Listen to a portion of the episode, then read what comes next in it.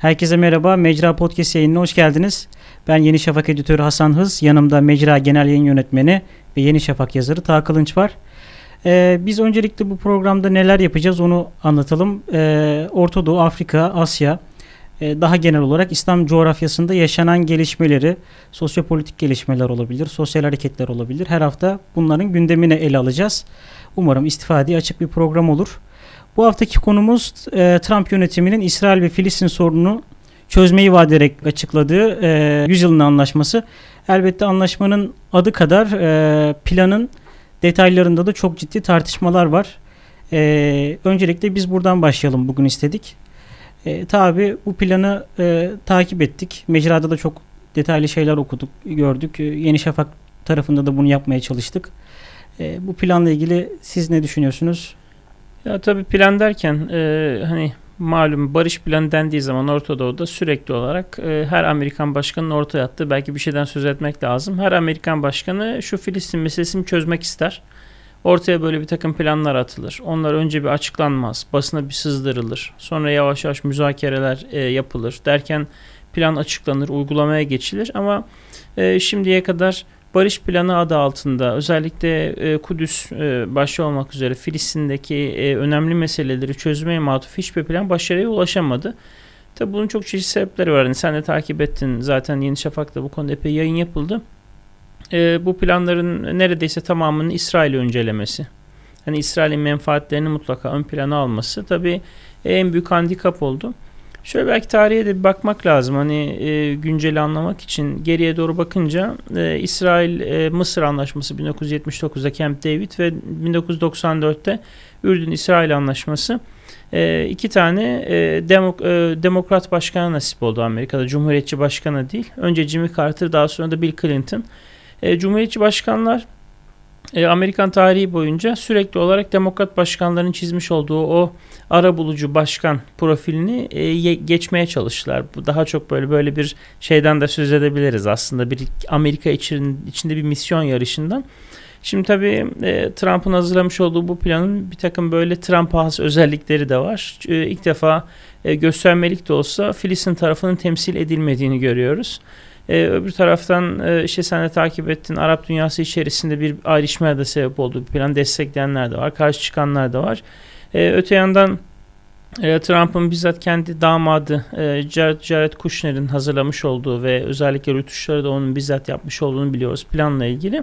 Tabi Jared Kushner'in e, Yahudi olması, e, Benjamin Netanyahu ile çok yakın dostluk içinde bulunması, Netanyahu'nun Amerika'ya gittiği zaman Jared Kushner'lerin evinde yatıya kalacak kadar aralarının samimi olması gibi şeyler var. Evet çok ilginç. Hatta orada ekibi e, yani barış planını hazırlayan ekibin hepsi bu New York çevresinden gelen e, aynı zamanda Yahudi olan e, ailesi zengin olan Jared Kushner'ın işte e, babası emlak işi yapan zengin bir Yahudi.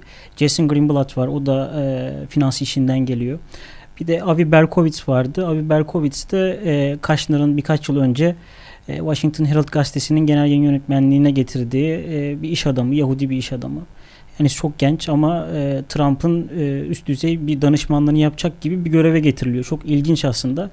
Ama hepsinin ortak bir özelliği var ve hazırlanan metne baktığımızda da tabi şeyi görüyoruz.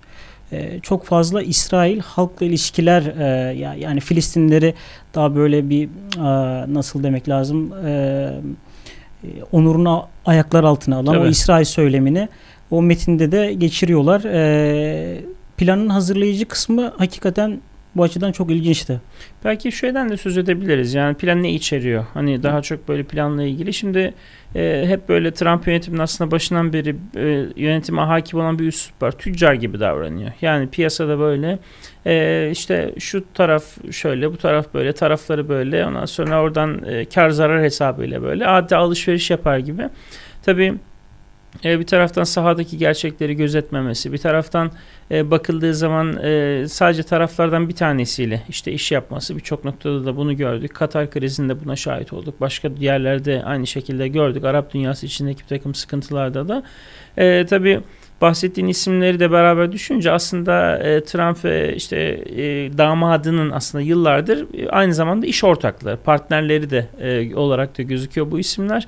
E, derken şimdi aynı ticaret mantığıyla e, paldır küldür Filistin'le ilgili bir şey ortaya konuyor. Tabi e, bu barış planının ya da bu e, yüzyılın anlaşması olarak e, ifade edilen e, planın e, en belki can alıcı, can alıcı noktası Kudüs. Yani e, Kudüs'le ilgili e, ortaya çıkan e, işte bir pazarlığın ve Kudüs'ün hiçbir şekilde Filistinlilere e, herhangi bir şekilde verilmeden direkt İsrail'e bir başkent olarak söz verilmesi. E, bu noktada belki hani Kudüs'ten de biraz söz etmek lazım. Hani neden Kudüs hani bu e, bu tür planların hepsinin göbeğinde yer alıyor? E, bununla ilgili de belki konuşmanın seyri buraya doğru gidebilir. E, şunu merak ediyorum. Mesela e, bir yıl önce barış planı açıklanmadan önce Trump sürpriz bir şekilde hatta sürpriz değil bunu söylem olarak seçim döneminde de kullandı. E, biz işte Doğu Kudüs İsrail'in başkenti olarak kabul ediyoruz dedi ama barış planında da eğer Filistin gerekli şartları yerine getirirse 4 yıl süre içerisinde e, belki onların da işte Doğu Kudüs'ün o belki siz çok gittiniz Doğu Kudüs'e daha iyi biliyorsunuzdur o e, Mescid-i Aksa'nın bulunduğu bazı mahalleler e, Tabii. E, Filistin'in başkenti sayılacak. Yani e, burada şunu insanlar algılayamıyor. Hem İsrail'in hem Filistin'in nasıl bir başkenti Kudüs olacak? Yani aslında şöyle şöyle bir şey de var aslında. Belki sen de bunu çok hani dillendiremiyorsun. Ben de çok açıktan bazen söyleyemiyorum. Hani aslında imkansız bir şeyden söz ediyoruz. Hani pratikte. Yani çünkü bugün baktığınız zaman şu anda dünyada e, bölünmüş olan bazı şehirler var. İşte Lefkoşa mesela onlardan bir tanesi. E işte Lefkoşa'nın güneyinde Rumlar, kuzeyinde Türkler var. Aynı şekilde yakın zamana kadar işte Berlin aynı şekilde Doğu Berlin, Batı Berlin idi. E, bu, ba, başka zamanlarda 67'ye kadar mesela aynı şekilde Kudüs, Batı Kudüs, Doğu Kudüs olarak aralarında dikenli tellerle böyle ayrılmış durumdaydı ama şimdi e, barış planında e, aynı toprakların, aynı şehrin ve küçücük bir şehrin yani çok, çok geniş alanında olmayan bir şehrin e, hem İsrail'i hem de dediğin gibi şartları yerine getirirlerse ama parantez içinde bu şartları yerine getirmelerine aslında müsaade de etmeyeceğiz. Tehditleri de var. Çünkü e, bakıldığı zaman bir taraftan e, Ürdün zaten çok ciddi bir şekilde karşı. Belki Ürdün neden karşı olduğunu da yavaş yavaş konuşuruz Arap dünyasının hani tavırları bağlamında. E, öbür taraftan Suudi Arabistan Birleşik Arap Emirlikleri Mısır planı destekliyorlar. Her ne kadar Arap Birliği'nde açıktan kınasalar da planı e, perde arkasından ciddi bir destek olduğunu biliyoruz ki e, Trump'ın e, açıklama yaptığı salonda malum e, o ülkelerin temsilcileri aynı zamanda Umman'ın temsilcisi vardı. E, bu yönden bakınca aslında hani Kudüs'ü ikiye bölelim. İşte yarısı sizin olsun, yarısı bunların olsun gibi bir plan aslında hem gerçekçi değil hem de şu anda e, İsrail'in bölgeyle ilgili yönetim biçimi, siyaseti ve işgalin sürecine baktığımız zaman devamına aslında e, bu işin böyle olmayacağını herkes biliyor. Yani e, Filistin'in yani Kudüs'ün ikiye bölün, bölünüp e, bir tarafının e, işte gerekli şartları sağlasalar bile e, Araplara verilmeyeceğini aslında Filistin kendisi de biliyor. Yani Filistinli siyasetçiler de bunu biliyor. Bunun çok mümkün olmadığını Oslo görüşmeleri sırasında e, işte 1990'ların ilk yarısında e, Arafat ve ekibi e, epey bir hani Kudüs'le ilgili de müzakerelerde de bulunmuşlardı o zaman ve Kudüs her seferinde e, bu Kudüs nasıl olacak? Kudüs kime kalacak? tartışmalarının bir şeyi olmuştu böyle. Hep e, adeta e, böyle en can alıcı noktası olmuştu.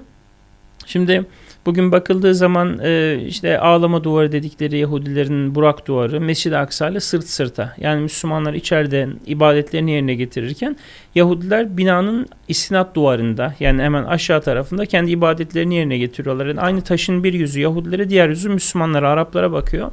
Şimdi o kadar böyle birbirinden ayrılmaz ve o kadar iç içe geçmiş durumda ki Kudüs'teki mesele. Tarih boyunca olduğu gibi Kudüs'te güçlü olan kazanıyor aslında. Yani müzakereler, barış planları, mantıklı çözüm önerileri, bir takım şartlar, o şartların yerine gelmesi, oradan birilerinin bunu hak etmesi falan gibi şeylerin aslında hani Orta Doğu'da hikaye olduğunu herkes farkında. Yani bu son e, hani yüzyılın anlaşması ile ilgili belki de en böyle çarpıcı gerçeklik e, çok pervasız bir şekilde bunun pat diye ifade edilmesi oldu. Hani Trump belki onu da konuşuruz. Yani herhangi bir denge gözetmek düşünmeden yani evet. dengeleri gözetmeye çalışayım yapayım işte sen de hatırlattın işte e, başkentin Kudüs olarak ilan edilmesi mesela e, Trump'ın seçim vaatleri arasındaydı bir taraftan. Ama çok e, çok az insan bunu bekliyordu. Ya işte oturur koltuğa sonra taç baş akıllanır bunu yapamaz diyorlardı. Çünkü kendisinden önceki hiçbir Amerikan başkanı 1994-95'ten e, beri karar ilk alındığından bu yana e, bu kararı uygulamaya, ces uygulamaya cesaret edemedi. Yani Arapların reaksiyonundan ya da genel anlamda İslam dünyasıyla ilişkiler bozulacak diye korktuklarından dolayı ve 6'şer aylık sürelerle bu kararın uygulanması sürekli olarak ertelendi. Ama Trump gayet böyle net düz bir şekilde e, bir taraftan işte e, başkent ilan etti. Bir taraftan büyükelçiliği e, Kudüs'e taşıdı malum. E, böyle bakınca hani o anlaşmadaki hani gerekli şartları oluş e, sağlarlarsa Filistinler ibaresinde aslında e, uygulanabilecek bir şart olmadığı da maalesef baştan belli gözüküyor. Ya zaten e, sadece Kudüs meselesi değil, Batı Şeria için de çok ciddi bir işgal meselesi var Tabii. orada. E, yani Filistin'e sunulan müstakbel devlet diye geçiyor hatta haritada. E, parçacı yani şöyle yapılsa daha iyi herhalde. Biz sizi Endonezya'ya taşıyacağız. Adalarda teker teker yerleştireceğiz. Parçalı bir devlet olacaksınız. Daha makul bir çözüm daha olabilirdi. Hatta Arap gazetecinin bir metaforu vardı. Yani silahlı bir kişi evinize geliyor. E, sizi evin en küçük odasına e, hapsediyor orada. E, diğer işte banyoyu kullanmanız, e, mutfağı kullanmanız izne bağlı. Daha sonra evin karşısında lüks villada oturan zengin iş adamı, komşunuz geliyor diyor ki ya sen şu kadar parayı al ama e, diğer evin diğer bölümlerini de unut diyor. Yani Filistin'e e, verilen şey de bu. Hatta bu İsrail içerisinde de tartışma konusu. Şimdi seçim döneminde böyle bir şeyin açıklanması e, çünkü İsrail'de 3 2 seçim yapıldı Evet, ve hükümet e, kurulamadı. kur- kurulamadı ve yeni bir seçime gidecek e, Mart ayında. E, yani muhalefet de bu konuda şüpheleri var. Hatta e, yani eskiden 1993 Oslo görüşmelerinin müzakerecilerinden biri e, Daniel Levy'nin işte Amerikan Prospect'te yazdığı bir yazı var. E, o bile Trump'ın bu planını barış değil nefret planı olarak açıklıyor. Çünkü İsrail'de de bu e, müzakereleri daha önce yapmış kişilerin de hani demokrat bir tavrı da olabiliyordu. Ama artık böyle bir eksen de kalmadı İsrail'de. Belki bu da çok dikkat çekici. E, aynı zamanda bu İsrailli Yahudiler e, 2008 yılında yapılan bir e, ankette iki devletli çözümü e, destekleyen oran %70 iken bugün %47'lere düşmüş durumda. Tabii. Yani e, artık iki devletli bir çözüm de istemiyor İsrail halkı çünkü güçlü olan tarafta. Bir de iki devlet çözümde hani e, sözlerin başında ifade ettin sen de şimdi Batı Şeria'da ya da genel anlamda Filistin topraklarında Filistin devleti ya da gelecekteki muhtemel müstakbel Filistin devleti olarak ifade edilen coğrafya e, bir kere otobanlarla, yerleşimlerle, aradaki askeri engellerle, karakollarla bölünmüş durumda. Yani bir ka- kazara ileride Filistin devleti kurulsa bu devletin şehirlerinin birbirleriyle fiili bağlantısı yok. Hatta bununla ilgili bir benzetme var. E, diyorlar ki e, İsviçre peyniri modeli. Hani o Hmm. delik delik İsviçre Evet. peyniri var ya.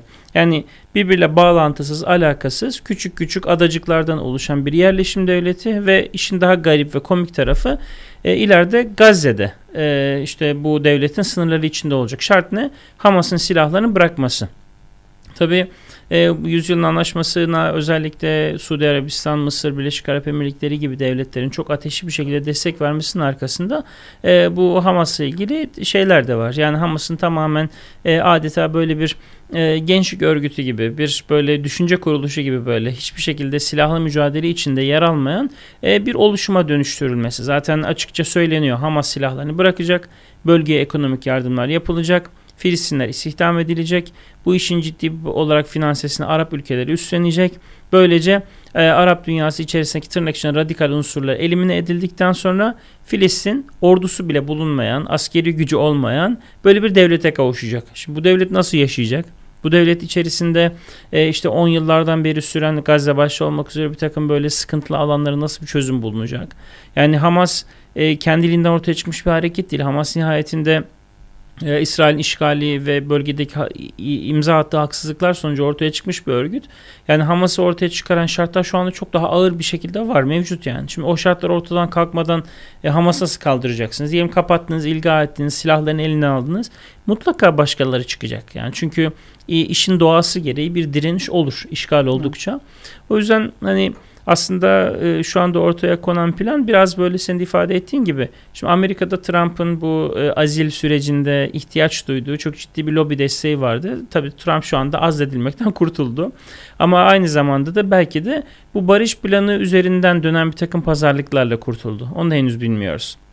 Ee, şey merak ediyor herkes. Yani eskiden e, hem Körfez'de olsun, Mısır olsun yani bir İsrail'e karşı bir hiç değilse siyasal bir duruş vardı. Bir Evet. söylem düzeyinde eleştiri vardı ve bugün artık yok ve hatta e, işte Mısır'ın destek verdiği söyleniyor. Kaşner mesela bunu e, NBC'de e, itiraf etti. Yani Mısır'ın bize plan konusunda yardımcı desteği oldu, oldu yardımcı oldu dedi. Ancak Sisi yönetimi tabi bunu yalanladı.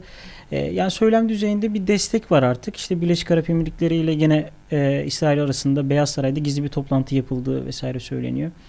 E, neden Körfez ve başta Körfez olmak üzere İslam dünyası Filistin davasına bu kadar kayıtsız kaldı?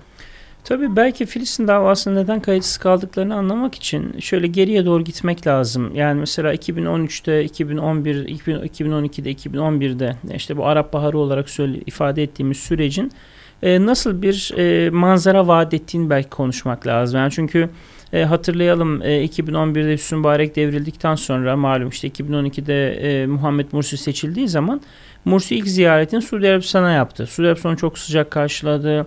E, ekonomik anlamda birçok anlaşmalar imzalandı, sözler verildi. Sonra derken bir yıl sonra 2013'te 3 Temmuz 2013 darbesinde finansörlerden bir tanesi Suudi Arabistan'dı. Şimdi arada ne oldu? Yani Arap Baharı ne ortaya çıkardı? Pa- tabiri caizse Pandora'nın kutusu açıldığı zaman ortaya ne çıktı? Ben çıkan en kesin sonuçlardan bir tanesi e, Arap coğrafyasında ortaya konan sandıkla rejimlerin ve yönetimlerin değişebileceği yeni bir süreç başladı. Yani bu hakikaten e, özellikle Körfez'deki hani monarşiler için, krallıklar ve emirlikler için oldukça kötü bir kabus senaryosu. Tabi onlar e, bu yeni süreci boğmak, işte o yeni sürecin en önemli aktörü olarak ortaya çıkan tırnak içinde İslamcıları ortadan kaldırmak, Müslüman kardeşler, Nahda'yı da aynı şekilde ortadan kaldırmak istediler. Belki e, ilerleyen yayınlarımızda tüm bu hareketleri konuşabiliriz ayrı ayrı işte Tunus'ta Nahta'yı, Mısır'da Müslüman kardeşleri evet. çok hani önemli meseleler diye düşünüyorum.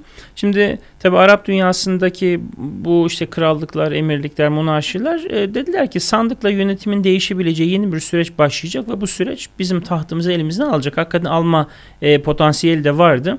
E, Tunus'ta Zeynel Abidin Bin Ali'nin devrileceğini hiç kimse hayalini bile kuramazdı. Hı. Öbür taraftan Hüsnü Bari'nin 30 yıldan sonra devrilmesi ve diğer şeyler e, tabii e, aktörler kimlerdi? Müslüman kardeşler, Hamas, e, aynı şekilde e, Nahda Hareketi ve diğer şeyler. Hatta Türkiye'de e, işte malum 15 Temmuz'a Birleşik Arap Emirlikleri'nin açıktan destek evet. verdiğini, diğer Arap ülkelerinin alkış tuttuklarını hatta sonucu üzüldüklerini bile biliyoruz. E, bu açıdan bakınca e, belki de Türkiye'nin de dahil edildiği, e, belki ayrı bir oturumda Muhammed Dahlan'ı bile tek başına konuşmamız Aynen. lazım. Çünkü hepsi birbirine önemli mevzular.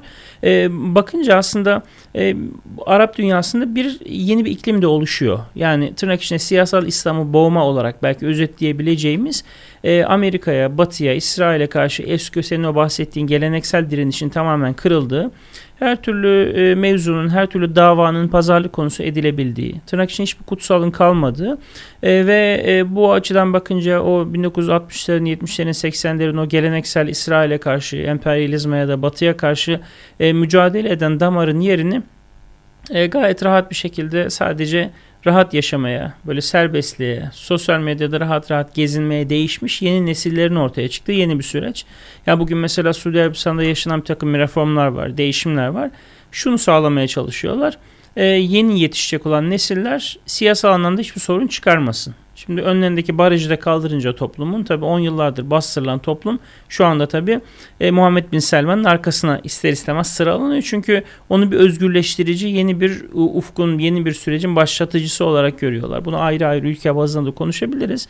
Hani o yüzden mesela şu anda işte Hamas'ın yürüttüğü direniş hareketi ya da bir takım e, Filistin'deki İsrail'e karşı direnmek gerektiğini, işgale karşı direnmek gerektiğini savunan insanları giderek işte savunma, direniş falan diyorsunuz ama ya bunların modası geçti artık. Ya bakın İsrail'de bölge ülkelerinden bir tanesi.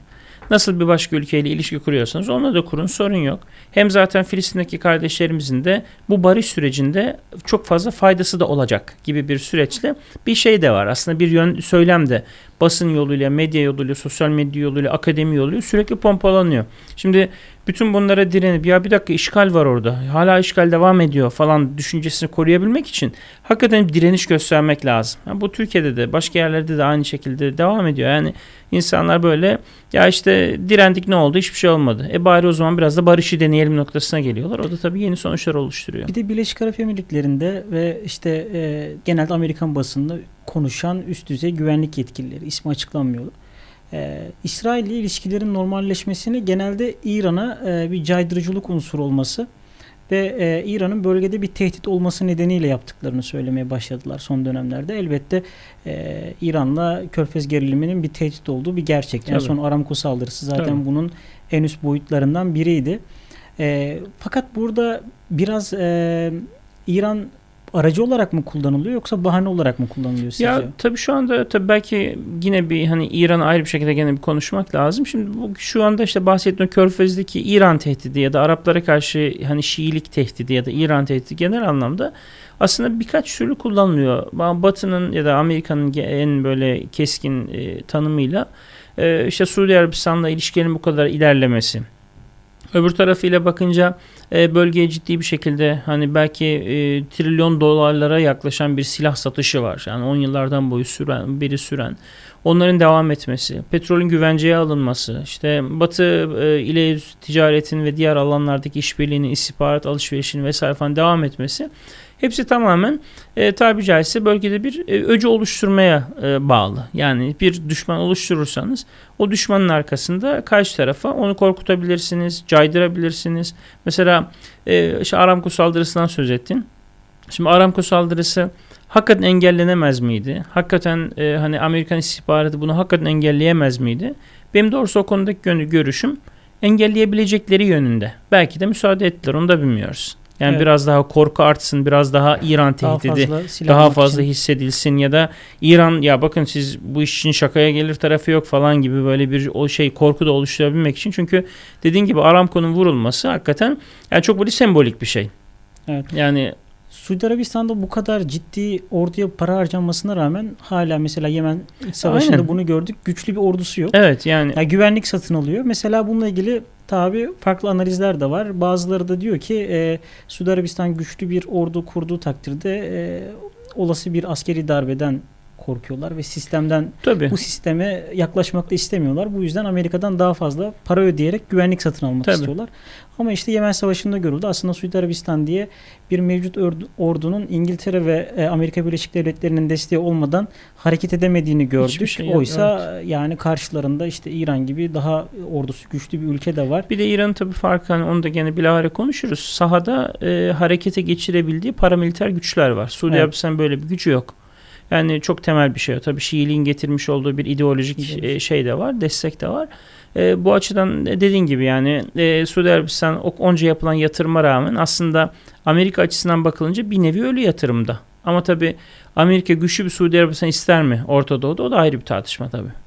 Ee, tekrar Filistin meselesine dönelim isterseniz. Ee, yani Körfez'de bugün bu kadar Filistin davasına kayıtsız kalması, kalmanın kalmalarının neticesi ilerleyen dönemde herhalde Filistinlerin daha fazla yalnız kalacağı bir dönemi işaret ediyor.